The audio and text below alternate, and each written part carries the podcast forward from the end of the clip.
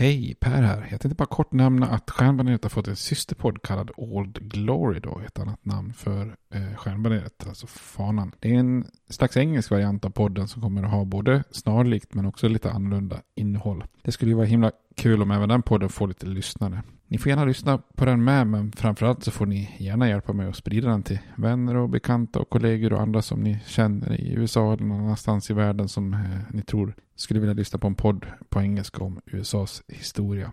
Tack, det var bara det jag ville säga. Nu kommer avsnittet. Hej då! Hej, det är Ryan Reynolds jag är här med Keith, co-star of my upcoming film If, only in theaters May 17th. Do you want to tell people the big news? All right, I'll do it. Sign up now and you'll get unlimited for $15 a month in six months of Paramount Plus Essential Plan on us. Mintmobile.com slash switch. Upfront payment of $45 equivalent to $15 per month. Unlimited over 40 gigabytes per month. Face lower speeds. Videos at 480p. Active Mint customers by 531.24 get six months of Paramount Plus Essential Plan. Auto renews after six months. Offer ends May 31st, 2024. Separate Paramount Plus registration required. Terms and conditions apply if rated PG. Hiring for your small business? If you're not looking for professionals on LinkedIn, you're looking in the wrong place. That's like looking for your car keys in a fish tank. LinkedIn helps you hire professionals you can't find anywhere else, even those who aren't actively searching for a new job but might be open to the perfect role. In a given month, over 70% of LinkedIn users don't even visit other leading job sites. So start looking in the right place. With LinkedIn, you can hire professionals like a professional. Post your free job on linkedin.com slash people today.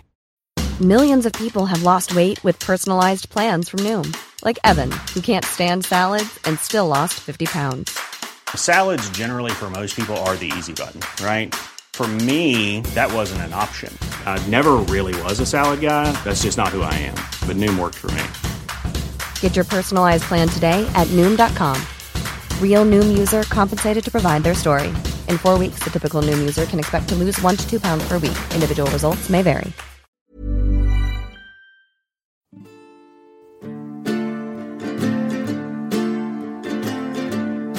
We hold these truths to be self-evident, that all men are created equal, that they are endowed by their Creator with certain unalienable rights, that among these are life, liberty, and the pursuit of happiness. Now we are engaged in a great civil war, testing that government of the people, by the people, for the people, shall not perish from the earth. And so, my fellow Americans, ask not what your country can do for you. Ask what you can do for your country. I have a dream my four little children will one day live in a nation where they will not be judged by the color of their skin, but by the content of their character. Mr. Gorbachev, tear down this wall. I did not have sexual relations with that woman, Miss Lewinsky. Hej och välkommen till Stjärnbaneret, en podcast om USAs historia med mig Per Fjärdingby. Där vi i översiktsserien fortsätter att ta oss igenom andra världskriget och kommer till det sista avsnittet om andra världskriget. Eh, vi har ju gått igenom eh, många olika aspekter av andra världskriget men i det sista avsnittet så eh, fokuserar vi kanske framförallt på diplomati och Eh, också med de här diplomatiska konferenserna i Teheran och Jalta. Men vi pratar också om det militära då på när man öppnar upp en västfront i Europa och hur kriget eh, slutfördes i eh, Europa. Så att då blir det naturligt att vi idag vänder blicken åter till den militära insatsen i Stilla havet. För samtidigt som Tyskland slås tillbaka och besegras så bedriver ju också USA ett krig mot eh, Japan. Så att eh, då får vi se hur det går där då så att säga. Eller ja, ni vet ju hur det går men, men vi får, får ta det i mål i alla fall. Innan det så tar vi och fortsätter serien om öl då. Och vi har ju pratat om de här olika klosterstilarna. Vi har pratat om enkel, dubbel och trippel. Och då förstår ni nästan automatiskt att nästa stil är kvadruppel då. Eh, och om eh, enkel och trippel är ljusa och dubbel är mörkt så förstår ni utifrån principen om varannan att eh, det här är också en slags mörk eh, typ av klosteröl. Och precis som eh, dubbel är. Men eh, till skillnad från dubbeln så är det här en ännu starkare öl. Då. Oftast kanske ligger de snäppet starkare än tripplar också då. Det, blir, det gör ju att de här ölen blir ju oftast eh, klostrens liksom flaggskepp. Eh, och kanske ibland också har börjat som någon slags säsongsöl eller specialutgåva. Liksom julöl eller något sånt där. Då. Chimay Blå till exempel var en slags eh, julöl från, från första början. Då. Eh, och egentligen är det själva begreppet kvadruppel faktiskt mer ett slags modernt påfund som, som La Trappe, ett av trappistklostren som, som befinner sig i Nederländerna, eh, lanserade. Eh, tidigare har de kanske oftast bara kallats saker som Apt eller Grand Reserve eller någonting, någonting annat fint då. Eh, och det här är ju så pass starka och fina öl att man kan lagra dem ganska länge. Och lagar man sådana här kvadruppel lite, några år så kan det nästan successivt dras lite grann åt portvinshållet kan man säga. Och det här stegrande systemet med, med styrka gör ju att de här ölen är, eh, är väldigt starka. Ligger inte sällan på runt kanske 9-11 procent. Några av dem närmar sig nästan 12 procent. Eh, och det kan ju låta konstigt men det här är ju öl som är riktiga typer av smakbomber då. Eh, där, där alkoholhalten verkligen passar in då. Eh, så de är ju otroligt fina då, fylliga med mycket smaker. Eh, både från eh, socker, sirap och, och, även från alkoholen då som ger en slags sötma och eldighet. Och, eh, vissa är kanske mer mörkbruna till färgen då och har en väldigt eh, stor eh, fruktig smak och toner av eh, choklad och lite torkad frukt och russin och plommon och, och så. Eh, lite mörkare eh, maltaromer då. Eh, och det är, kommer ju oftast från att de har någon form av mörk, mörk liksom sirap eller mörkt kandissocker då, eh, och kanske någon mörk malt i sig då. Typiska sådana är kanske Rochefort 10 och den kanske lite ovanliga västvleteren Apt. Då. Eh, andra är lite, lite mer ljusbrun i färgen och kanske har mer av en vinös eldighet och med lite kanske fruktig syrlighet upp, upp till då. Liksom en viss sötma av kropp då men ändå balanserade för att vara så starka genom att man har eh, sirap och, och eh, socker i sig då. Precis som sin svagare kusindubbeln så är ju det här väldigt eh, lite karaktär från humle då kan man säga. Så att eh, det här är väl i princip en öl som är den raka motsatsen mot en, mot en modern nejpa kan man säga. Då. Eh, så här kan man försöka få tag på lite, lite olika sorter då. Man kan testa Rochefort, det finns både 8 och 10. Och 10 är ytterligare starkare än 8. Och La Kvadruppel då som sagt. Sant Bernardus Apt, Chimay Blå eller testa Vreta Abedissan. Eh, 12 kan man också göra då. Eh, I nästa avsnitt tänkte jag att vi skulle kolla på eh, annan belgisk stark ale som inte är då utav klostertypen då. Eh, för det finns ju ett, ett, ett gäng Eh, öl som kan vara sinsemellan ganska olika. Men kan man testa att försöka få tag på en Duvel eller en Delirium Tremens eller en Quack eller en Golden Drak. finns många trevliga sorter.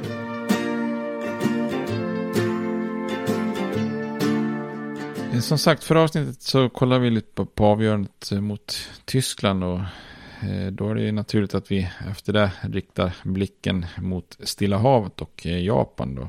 Och det här var ju en, en orsak till att Roosevelt försökte hantera staden lite delikat vid den här Jalta-kongressen var ju just att han var ju väldigt sugen på att få Sovjetunionens stöd i kriget mot Japan. För även om Hitler och Tyskland hade kapitulerat och så, eller ja, eh, ja Hitler, för att vara noga, så Hitler själv kapitulerade ju inte, han fimpar ju sitt liv. Men, men eh, efter att Tyskland var besegrat så rasade ju fortfarande kriget mot, mot Japan. Om man kan börja med en liten kort tillbakablick över vad som hade skett där i Stilla havet. Eh, vi har ju pratat lite om det tidigare då. Eh, kriget i Stilla havet för USAs del var ju, var ju själva inträdet i kriget när, när Japan bombade eh, basen vid Pearl Harbor på Hawaii. Och därefter så skaffade sig ju Japan kontroll över väldigt stor del av, av Stilla havet genom att erövra mängder av öar och platser. Och man hoppades ju helt enkelt, eller räknade med att det skulle ta så lång tid för USA eh, samtidigt som de andra Eh, gamla imperiemakterna, Storbritannien och Nederländerna och Frankrike var upptagna i, med, med Hitler i, i Europa då, så, så skulle man då ha tid att bygga upp och konsolidera eh, eh, ett stort japanskt imperium i Stilla havet då, där man kunde ha ett slags yttre försvarslinje långt ifrån de japanska huvudöarna då. USA och tillsammans med trupper från Australien lyckas ju som ni minns stoppa Japan från att börja eh, ta sig runt Australien och kanske till och med erövra Australien. Eh, första framgången mot Japan var ju Eh, slaget i Korallhavet i maj 1942 nordväst om Australien och för första gången så stoppades ju då den, den dittills ostoppbara japanska flottan och, och att för, det japanska försöket att liksom överflygla eh, Australien då. Annars hade ju Japan kanske kunnat börja kapa försörjningen mellan Australien och, och Hawaii och strypt motståndet på Nya Guinea. då. nästa seger var ju en ännu större framgång för, för USA. Det var ju det här slaget av om Midway i juni 1942 eh, som var det här, ja, ni minns det stora slaget med flera hangarfartyg involverade och Midway var ju verkligen en vändpunkt i kriget. Efter Midway kan man säga att USAs motoffensiv kunde inledas och, och Japan började då eh, gå i försvar då.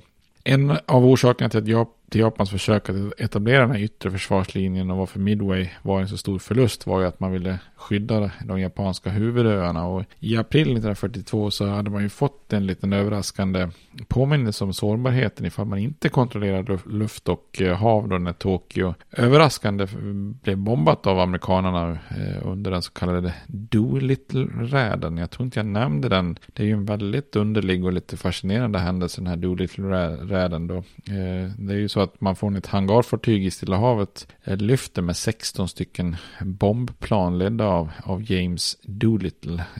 Vilket för det första var första gången så, så, som så stora bombplan, alltså någon form av B-25 lyfte från ett fartyg. Så det var unikt bara i sig då. Men de här planen flög ju in, flög då eh, hela vägen fram och eh, släpper sina bomber över Tokyo. Eh, sen räckte ju inte bränslen eh, att ta sig tillbaka eh, till hangarfartyget utan då var ju tanken att man skulle, eh, och förhoppningen om att bränslet skulle räcka så att man kunde flyga in över Kina och landa på, på området där de kinesiska allierade hade kontrollen då så att man var safe eh, bakom japanska linjer. Japan hade ju erövrat stora delar av kinesiska kusten då. Egentligen hade ju Sovjetunionen varit ett bättre ställe att, att, att, landa på då. Eh, men, men Stalin hade ju i det här läget ett avtal med Japan och, och länderna låg ju inte i krig. Så därför var ju inte Sovjet så så särskilt villiga att ta emot amerikanska bombplan som hade bombat Tokyo. Eh, ett av planen hade så lite bränsle så man tvingades sen då landa i Vladivostok i, i Sovjetunionen så att de kom vare sig Stalin ville eller inte och där, där blev ju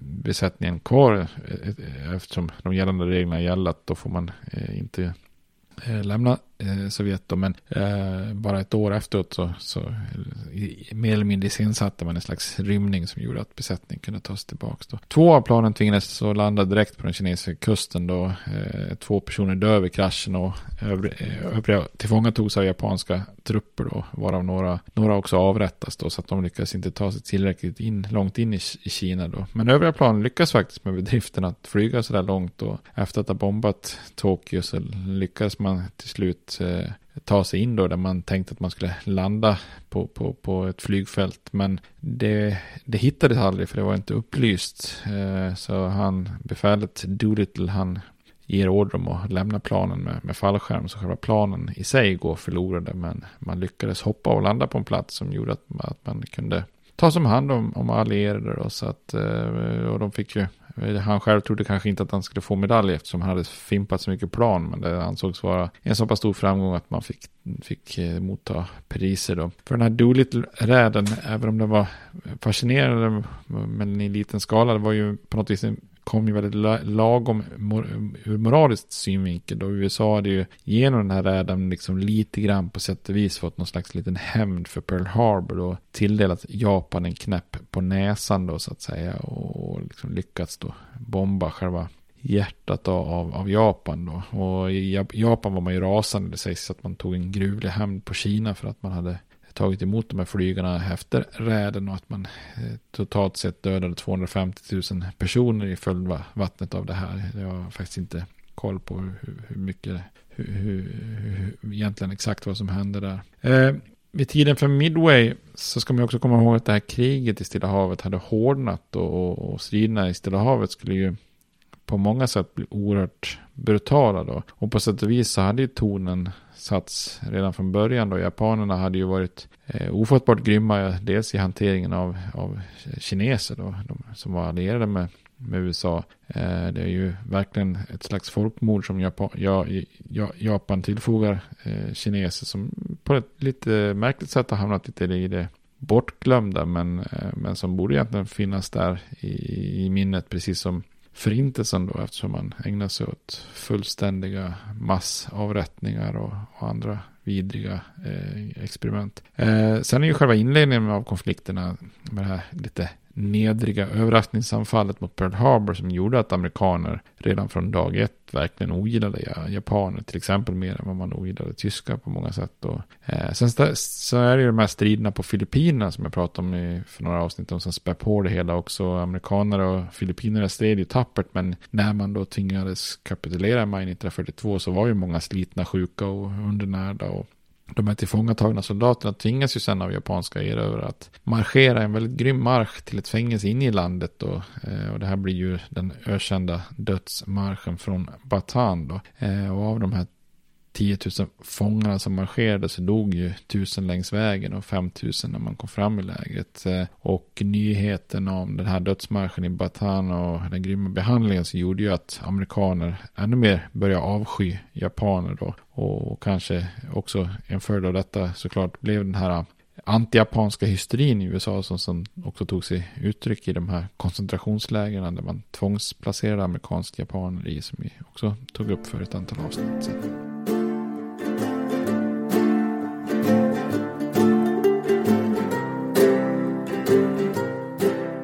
USA hade ju redan från början haft Tyskland som primärt mål tillsammans med sina allierade då.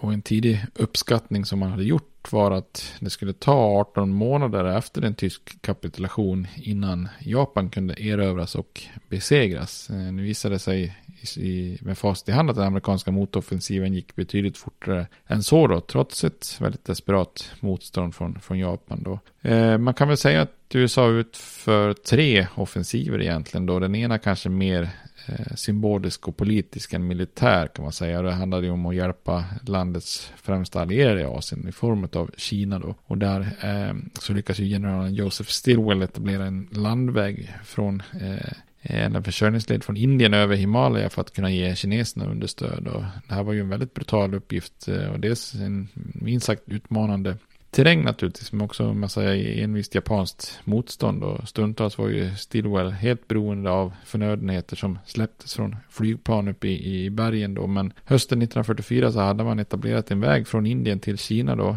som brukar kallas för Burma Road eller ibland Stilwell Road efter, efter eh, befälet själv då. Eh, men, men Stilwell och ja, amerikanerna hade ju Eh, en del problem med, med sina allierade i, i Kina då. Eh, Chiang Kai-shek eh, var ju ibland eh, mer intresserad av att strida mot kinesiska kommunister än mot japanska ockupationstrupper. Och det här var ju naturligtvis ett, ett omen på vad som skulle komma efter kriget. Det var knappast i, knappast i Kina som kriget i Asien avgjordes, utan det är ju framförallt USAs övriga två offensiver som blir eh, viktigare då. Och de eh, de här två viktiga offensiverna gjordes ju av amiral Nimitz och eh, general MacArthur. Eh, och det skulle ju bli väldigt eh, blodiga historier kan man säga.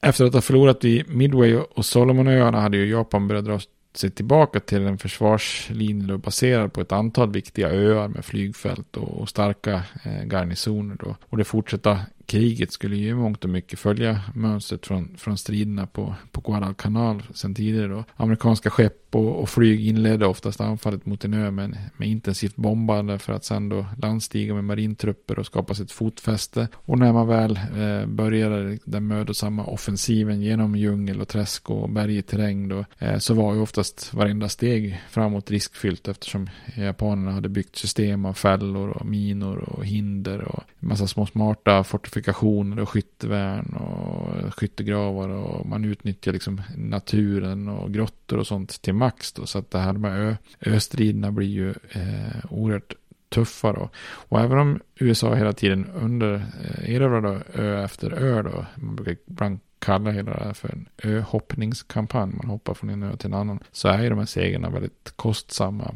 Eh, sjukvård var ju oftast begränsat och, och ingen av sidorna ville helst ta en massa fångar eh, för att hantera då. Och i normala fall så brukar ju anfallare förlora mer, men de här envisa japanska försvararna offrar sig oftast till sista man. Så även om USA hade höga förlustsiffror så var de japanska förlusterna eh, horribla. Och då ska man komma ihåg att USA ändå har stora, mycket större förlustsiffror på Stilla havsfronten än vad man hade eh, på västfronten.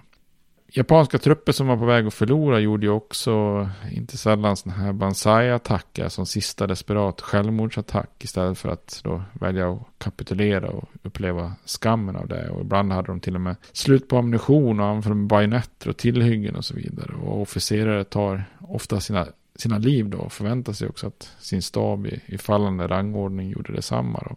Och i USA var ju inställningen till japaner betydligt mer fientlig och rasistisk än, än, än kriget i Europa. Då. Attacken eh, Pearl Harbor hade ju bidragit med också den här dödsmarschen på eh, Bataan då.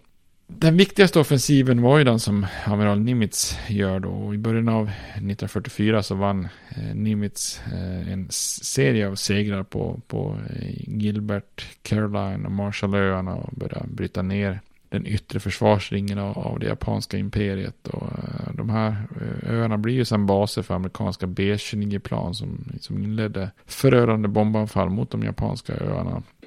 Längs den andra offensiven så, så var det ju Douglas MacArthur som besegrade de sista japanska försvararna på, på Nya Guinea tidigt 1944 och, och, i oktober samma år så kunde amerikanska trupper äntligen då leva upp till MacArthurs tidigare löfte om att återvända till Filippinerna. Eh, och i februari 1945 så intog då amerikanska trupper återigen då Manila på Filippinerna. Filippinerna var ju eh, öar som hade tillhört eh, USA innan då.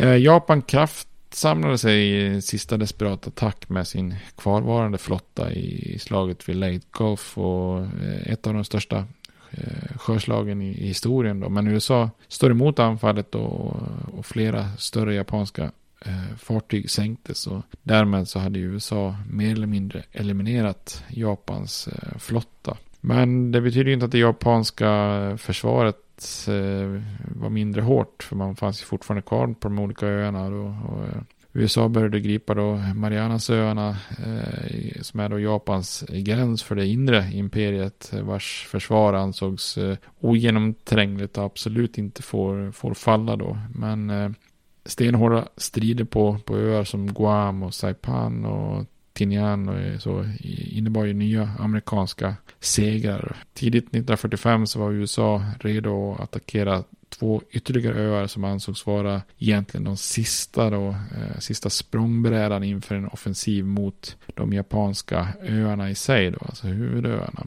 Och de här två eh, försvarsöarna eh, var ju eh, Iwo Jima och Okinawa. Eh, och striderna vid Iwo Jima blir ju några av de blodigaste under hela kriget. Eh, Japan hade ju förvandlat den här lilla ön till mer eller mindre ett fort. Eh, och den här vulkaniska sanden, det är ju en vulkanö, eh, den bergiga naturen var ju en mardröm för de anfallande då på tre veckor lyckas man etablera ett fäste och, säkra ön ändå då. Även om fickor av motstånd fanns kvar i flera veckor därpå då. Förlustsiffrorna visar ju hur hårda striderna i Stilla havet var. USA förlorade 8000 man i döda och 20 000 i skada, skadade medan Japan då förlorade hisnande 25 000 döda och, och eh, till slut är det ju bara tusen man som kan tas till fånga och då förstår man ju liksom hur hur hårt japanerna strider in i sista, sista, sista liksom, eh, sucken då. Eh, och bilder av amerikanska soldater som sätter upp den amerikanska flaggan på ett eh, berg uppe på Iwo Jima har ju blivit kanske den mest ikoniska kända bilden från Stilla havskriget och ett av de mest kända fotograferna överhuvudtaget från andra världskriget. Det finns ju en bronsstaty över det här ögonblicket i, i Washington DC också. Då. Men Iwo Jima bleknar ju sen nästan i jämförelse med den sista kampanjen i Stilla havet och mot ön Okinawa där, där Japan hade samlat över 100 000 man i ett intrikat system av försvarslinjer då. Och om Okinawa förlorades så skulle Japan vara utestängda från Kina och Sydostasien så att den här ön skulle ju försvaras till till varje pris. Då. Och i samband med striderna vid Okinawa så, så, så stegrade också Japan sitt användande av Banzai-anfall men också sådana här så kallade kamikaze-attacker från flygplan. Då. Och eftersom USA dominerade haven, haven och luftrummet totalt i det här fallet så, så var ju egentligen kamikaze-anfall Japans enda möjliga motdrag då. Eh, som ett desperat försök att eh, försvara hemlandet. Och det man, vad man gjorde då var ju att ha relativt outbildade unga piloter som var villiga att visa sin lojalitet mot kejsardömet och kunde då eh, använda äldre, äldre flygplan där man eh, med bomber fastsatta så, fastsatta så försökte man då med det här flygplanet helt enkelt flyga rätt ner på skeppen och offra både sitt, sitt, liv för, för landet. Och enda sättet att försvara sig mot de här eh, flygplanen eh, för skeppen då, det var ju att man helt enkelt upptäckte dem i tid och eh, hann skjuta ner dem innan de nådde skeppet. Då. Sett siffror på att det skedde ungefär 3000 kamikazeflygningar och de här flygningarna lyckades sänka ungefär 21 amerikanska skepp och skadade ytterligare 67 skepp då med, med 5000 man eh, som döda som, som följd. Då. Det var ju effektivt på sitt sätt men, men samtidigt väldigt cyniskt brutalt och, och, ingenting som Japan kunde upprätthålla i, i längden då. Men eh, jäkligt kusligt eh, att befinna sig på ett skepp och, och se de här planen komma naturligtvis. Då. I slutändan så var det ju kunde inte Japan hindra USA från att erövra Okinawa. Med hjälp av pansar och eldkastare och bomber av olika slag så tvingades ju japanerna ut ur sina gångar och försvarsverk. Och eh, väldigt många japanska eh, döda brann ju helt enkelt till döds. Eh, kvävdes i de här anläggningarna. Och än en gång så, så stred japanerna nästan bokstavligt talat till sista man. Eller att att man tog sitt liv då. USA förlorade 12 500 man i döda och 36 000 skadade. Eh, Medan då Japan, Japan förlorar brutala 110 000 man döda och bara inom citationstecken 7800 fångar.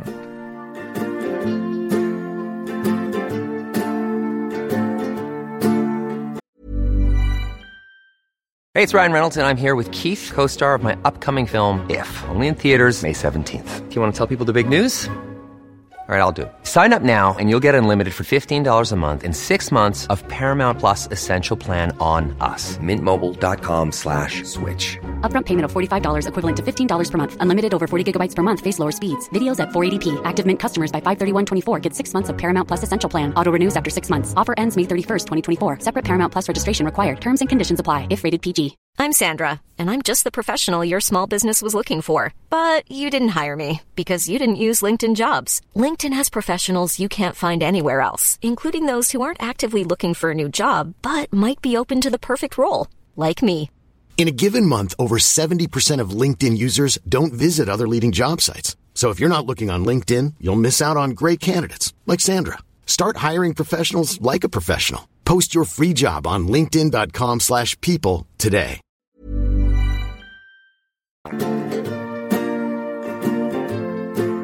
I början av 1945 så var ju Japan på många sätt en, en besegrad nation som, som tvingats tillbaka till sina hemöar. Eh, deras flotta var borta, militären decimerade, alla erövringar tappade, huvudöarna under blockad, eh, bombning av städerna skapade varje dag förödelse, både militära, industriella och civila mål. Och, och i mars 1945 så, så släppte ju amerikanska bombplan Napalm över eh, Tokyo och skapade en eldstorm där 80 000 dödas. Och trots den här hopplösa situationen så vägrar man kapitulera. Militären trodde, i Japan trodde fortfarande att huvudöarna kunde försvaras och att det fanns utrymme för en förhandling när, när USA misslyckades militärt. Eh, om försvaret bara kunde dras ut i tid och man hoppades också på att, eh, lite lustigt att man från vissa japanska ledare hoppas också att Sovjetunionen som man då hade ingått en icke-aggressionspakt med 1941 och att man, eh, och som inte var involverad i Stilla havskriget, att man skulle komma på kant med USA och eventuellt kunna hjälpa till då. Eh, och den här japanska mentaliteten var ju också kraftigt emot en skamlig ovillkorlig kapitulation Eh, de politiska förespråkarna av fred eh, hade ju insett att allt var förlorat men de hade lite för svagt inflytande och kunde liksom inte riktigt stå upp mot militärerna som var med hårdnackade. Och de interna politiska striderna och det långsökta hoppet om, om hjälp gjorde att ledarna liksom greppade sista halmstråna och, och inte avslutade ett krig där befolkningen ändå led ganska enormt. Och så USA står ju också lite grann inför ett vägval efter Iwo Jima och Okinawa. Lite grovt kan man ju säga att det fanns tre sätt för USA att slutföra kriget mot Japan. Vissa inom militären vill ju genomföra ett fullskaligt anfall mot de japanska huvudöarna med, med ett anfall mot Tokyo 1946, 1946 som troligt klimax. Då, då. Andra föreslog ju en diplomatisk fred där USA förhandlade på ett sätt där man eh, justerade den här villkorslösa kapitulationen så att Japan kunde behålla kejsaren som institution då. Eh, och mycket av den här japanska äran oviljan att kapitulera ovillkorligt var ju förknippat med lojalitet till kejsaren. Då.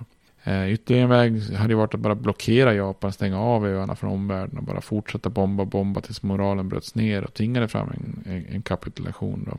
Men alla de här tre vägarna var ju fyllda med med sina svagheter och problem också. Den här japanska kulturen med ära och undvika skam. Det fick ju väldigt många till exempel att begå självmord och hellre och kapitulera och så vidare. Så att eh, den japanska mentaliteten var ju inte jättelätt att öppna upp förhandlingar med så att säga. Och om inte kejsaren öppnade upp för förhandlingar så var det väldigt svårt att se vilka japanska militärer och politiker som skulle kunna trotsa kejsaren och, och genomföra de här förhandlingarna. Eh, strategin att bara stänga in i Japan och fortsätta bomba konventionellt var ju heller inte lockande. Dels för att det var oklart hur mycket stryk Japan faktiskt tålde och, och krig är ju oerhört dyrt i, i längden. Eh, så tidsfaktorn var ju väldigt osäker och vissa undrar om det ens var, var en realistisk väg till, till seger då. Eh, den här militära lösningen var ju också absolut inte särskilt lockande för de här segrarna vid Fujima och Okinawa hade ju varit extremt kostsamma och japanska soldater hade ju stridit till sista man. Eh, och man ägnar sig åt de här desperata självmordsanfallen och så vidare.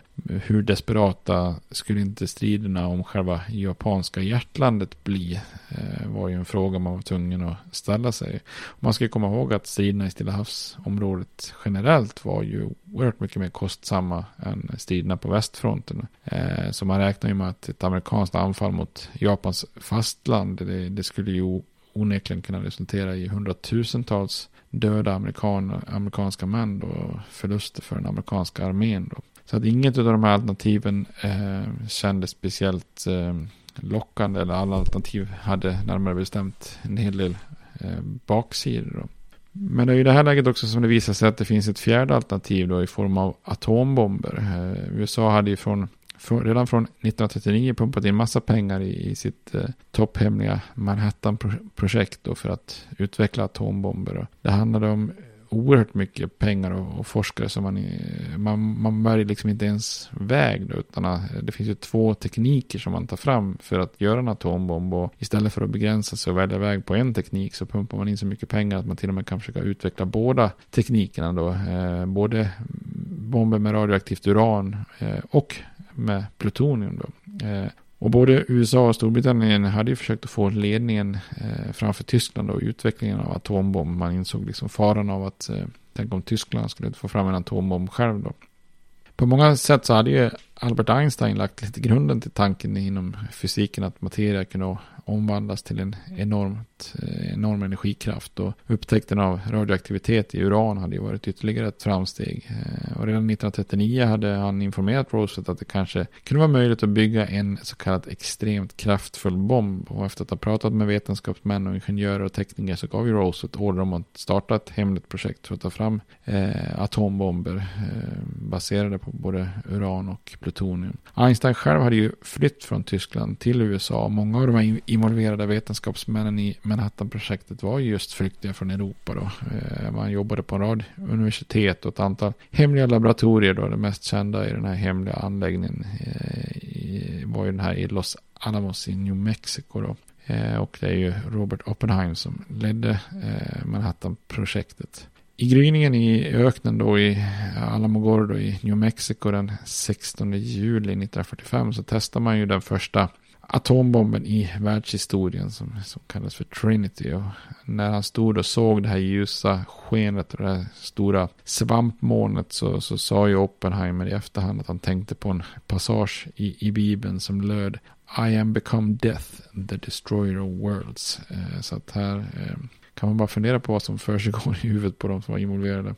En av de mer märkliga aspekterna av detta och ytterligare ett bevis på hur oviktigt vicepresidentrollen oftast har varit genom tiderna var ju att den nya presidenten Harry Truman inte hade haft en enda susning om Manhattan-projektet. Eh, Eh, utan det här är ju någonting som, som kommer till honom precis när han tagit över presidentposten. Att ja, vi har det här projektet också, by the way, Mr. President. Och nu rekommenderar krigsminister Harry Stimson eh, till presidenten att han ska använda det här nya supervapnet mot Japan. Och en kommitté ledd av, av Harry Stimson hade ju diskuterat då möjligheten att bjuda in japanska ledare till någon avlägsen ö i Stilla havet för att visa bombens enorma kraft som ett hot och därmed liksom eh, ta fram den som en bricka i fredsförhandlingarna. I slutändan så beslutar Stimson och Truman att använda bomben istället utan förvarningar. De menar att atombomben var ett legitimt vapen i en krigssituation som, som kunde rädda hundratusentals amerikanska liv då, och i slutändan eh, faktiskt också då japanska då, eh, som ett alternativ till en fullskalig invasion då, eh, som ofrånkomligt hade lett till ytterligare fler människor hade fått satt livet till. Då.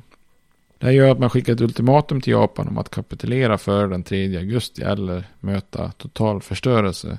Eh, Japan kapitulerar ju inte på den här uppmaningen. Eh, och det innebär ju då att flygplanet Enola Gay eh, då den 6 augusti 1945 släpper den första atombomben över Hiroshima då. Eh, själva bomben eh, kallades ju för Little Boy. Eh, en stor del av staden förstördes och runt eh, ja, uppskattningsvis 90-120 000 personer dödas ju bara något ögonblick. Då. Två dagar senare så förklarar Sovjetunionen krig mot Japan eh, som en följd och den 9 augusti då, tre dagar efter den första bomben så släppte USA också eh, via flygplanet Boxcar ytterligare en atombomb över staden Nagasaki. Eh, den här gången en, en större bomb som kallas för Fatman. Eh, och eh, den här gången så dör ju också många personer då och skapar stor förödelse. Runt 60-80 000 personer dör eh, till följd av den här bomben då. Eh, flera japanska ledare ville ju trots de här två bomberna fortsätta kämpa. Frågan om äran var ju Eh, var ju dock väldigt starkt kopplat till, till kejsaren då. Så han hade ju då en utslagsröst i regeringen och han valde då, då väljer då den japanska kejsaren att, att kap, ändå kapitulera ovillkorligt den 14 augusti 1945 då. Eh, och att eh, kejsaren i ett radiotal gick ut och proklamerade att det var dags för Japan att inse faktum. Det löser ju då hela den här frågan om lojalitet och tillät landet att kapitulera ovillkorligt. Och annars hade man inte kunnat gå emot kejsarens vilja. Då. Tre veckor senare så skrevs en formell fredsuppgörelse under då på slagskeppet Missouri. Och, och därmed är ju andra världskriget formellt över eh, totalt då så att säga. Men atombomberna har ju naturligtvis varit väldigt omstridda och omringade av, av olika teorier och konspirationsteorier och mycket annat ända sedan de släpptes då. Eh, vissa menar ju att en blockad av hamnarna och vanligt bombflyg hade kunnat uppnå exakt samma sak, om än lite senare, eh, det vill säga utan en fullskalig invasion då. Så att det här argumentet att spara på människoliv inte egentligen var, var relevant, utan man hade kunnat uppnå det här på annat sätt. Och Eh, man menar, vissa menar ju på att Trumans verkliga motiv av att släppa atombomberna snarare var att imponera på Sovjetunionen än att besegra Japan. Då. Att det skulle vara någon form av symboliskt eh, liksom, eh, förhandling eh, snarare mot Stalin. Då. Att eh, atombomberna över Hiroshima och Nagasaki egentligen då mindre handlade om att, eh, som att det mindre var det sista som hände under världskriget utan snarare var det första som hände under kalla kriget om man väljer att se det på det viset. Då man helt enkelt ville skaffa sig inflytande över Sovjetunionen och situationen i Europa snarare än att vinna över Japan. Då.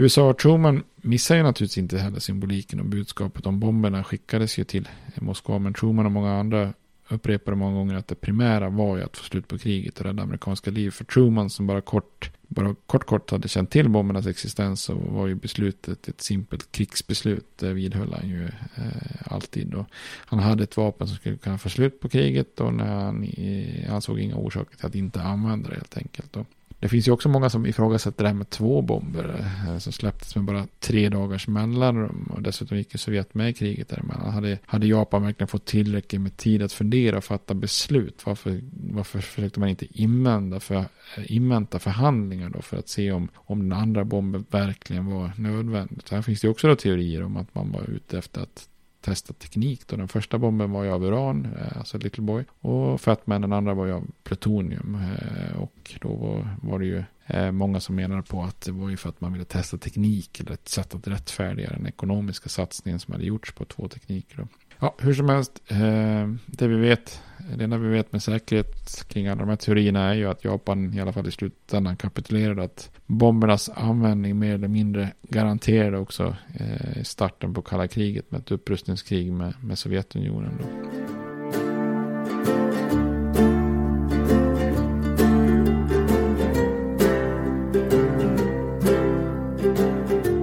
Då var vi igenom andra världskriget här och man kan väl sammanfatta det med att säga att det är ju få, eh, epoker av historien som har påverkat USA så mycket som andra världskriget. Och, eh, även om USAs förluster på knappt 400 000 döda under kriget var, var oerhört lätta jämfört med alla de här miljonerna som övriga eh, fått sätta livet till i många av de andra eh, länderna. Jag menar förlustsiffrorna för tyskar och, och Sovjetunionen var ju hiskeliga. Så, så var ju ändå USA för alltid förändrat. Och för första gången så hade ju landets militära potential nåtts fullständigt. Över 11 miljoner män och kvinnor hade burit uniform och landets produktion av krigsmaterial som, eh, som skepp och flygplan var ju helt enorm. Dessutom så hade ju landet där och då i alla fall monopol på atombomben den globala maktstrukturen förändras ju också väldigt mycket av eh, kriget och Europas makt minskar. USAs makt ökar både militärt och ekonomiskt. Eh, USA hade på något vis lanserat sig här som en världspolis och skulle ju på gott och ont vara involverad över hela jordklotet efter kriget. Och, eh, vilket ju skapar såklart både möjligheter och problem. Och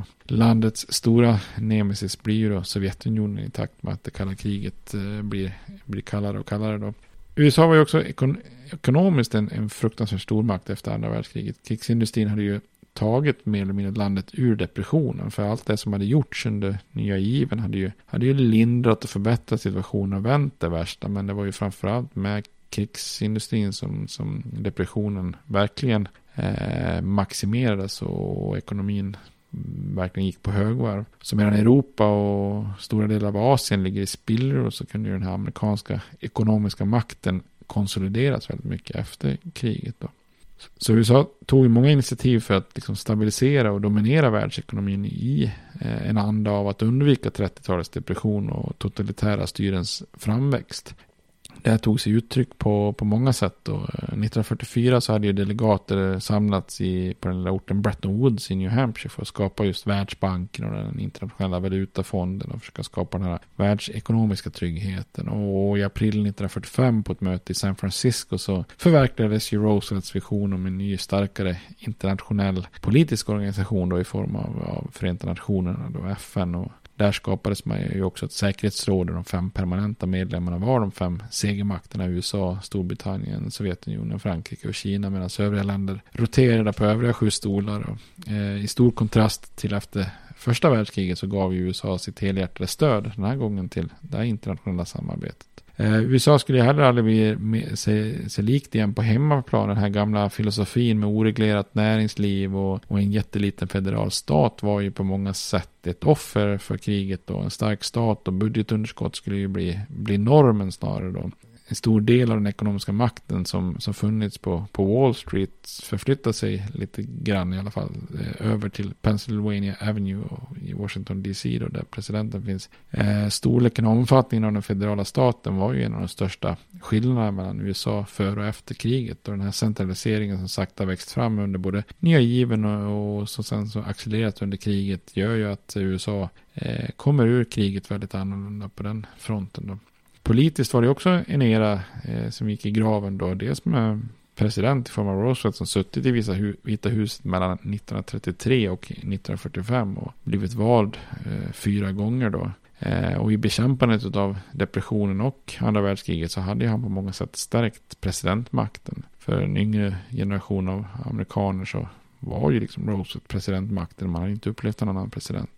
Då. Och det gamla USA med tre väldigt tydliga regioner som, som funnits under en lång tid. Sen, sen liksom 1800-talet hade ju också börjat suddas ut. Och, eh, södern och nordstaterna och västern hade ju alltid varit tre väldigt distinkta regioner. Då, men eh, södern och västern börjar ju här sin, sin resa med industrialisering. Man placerar väldigt mycket militärbaser vilket gör att vissa städer växer ganska snabbt och det blir stor inflyttning av eh, utav eh, befolkning och så vidare. Och det gör ju att både södern och västern blir mer likt de gamla nordstaterna då. Eh, jag menar, än idag så finns det ju stora regionala skillnader så att säga. Så att det är ju inte så att skillnaderna suddas ut, men de blir ju betydligt mindre än vad de hade varit eh, tidigare i USAs historia. Och alla de här flyttströmmarna så förknippas ju också med, med mycket följder då eh, som ingen kunde ana 1945 då, men, men som skulle bli väldigt tydliga på 60-talet då, där, där grunden har lagts under andra världskriget och sen som blommar ut sen under 60-talet. Eh, dels har vi den här babyboom då, en helt ny generation av amerikaner. Eh, solbältet som blir, blir en region att räkna med och andra världskriget skjuter ju också lite ny fart på hela medborgarrättsrörelsen då, bland annat på grund av den här stora migrationen från södern. Eh, så efter, efterkrigstiden kommer ju eh, att präglas av både kalla kriget, eh, en hel del globala bekymmer och inhemska omvälvningar för, för USA. Ett nytt USA i, i ny, ny internationell situation då, så att säga. Men det får vi fortsätta med i översiktsserien framöver. Tills dess får ni det bra. Hej då! States like these and their terrorist allies constitute an axis of evil. And if the hippies and the yippies and the disruptors of the systems that Washington and Lincoln as presidents brought forth in this country will shut up and work within our free system of government, I will lower my voice. If the impeachment provision in the Constitution of the United States will not reach the offenses charged here, then perhaps that 18th century Constitution should be abandoned to a 20th century paper shredder. Therefore, I shall resign the presidency effective at noon tomorrow.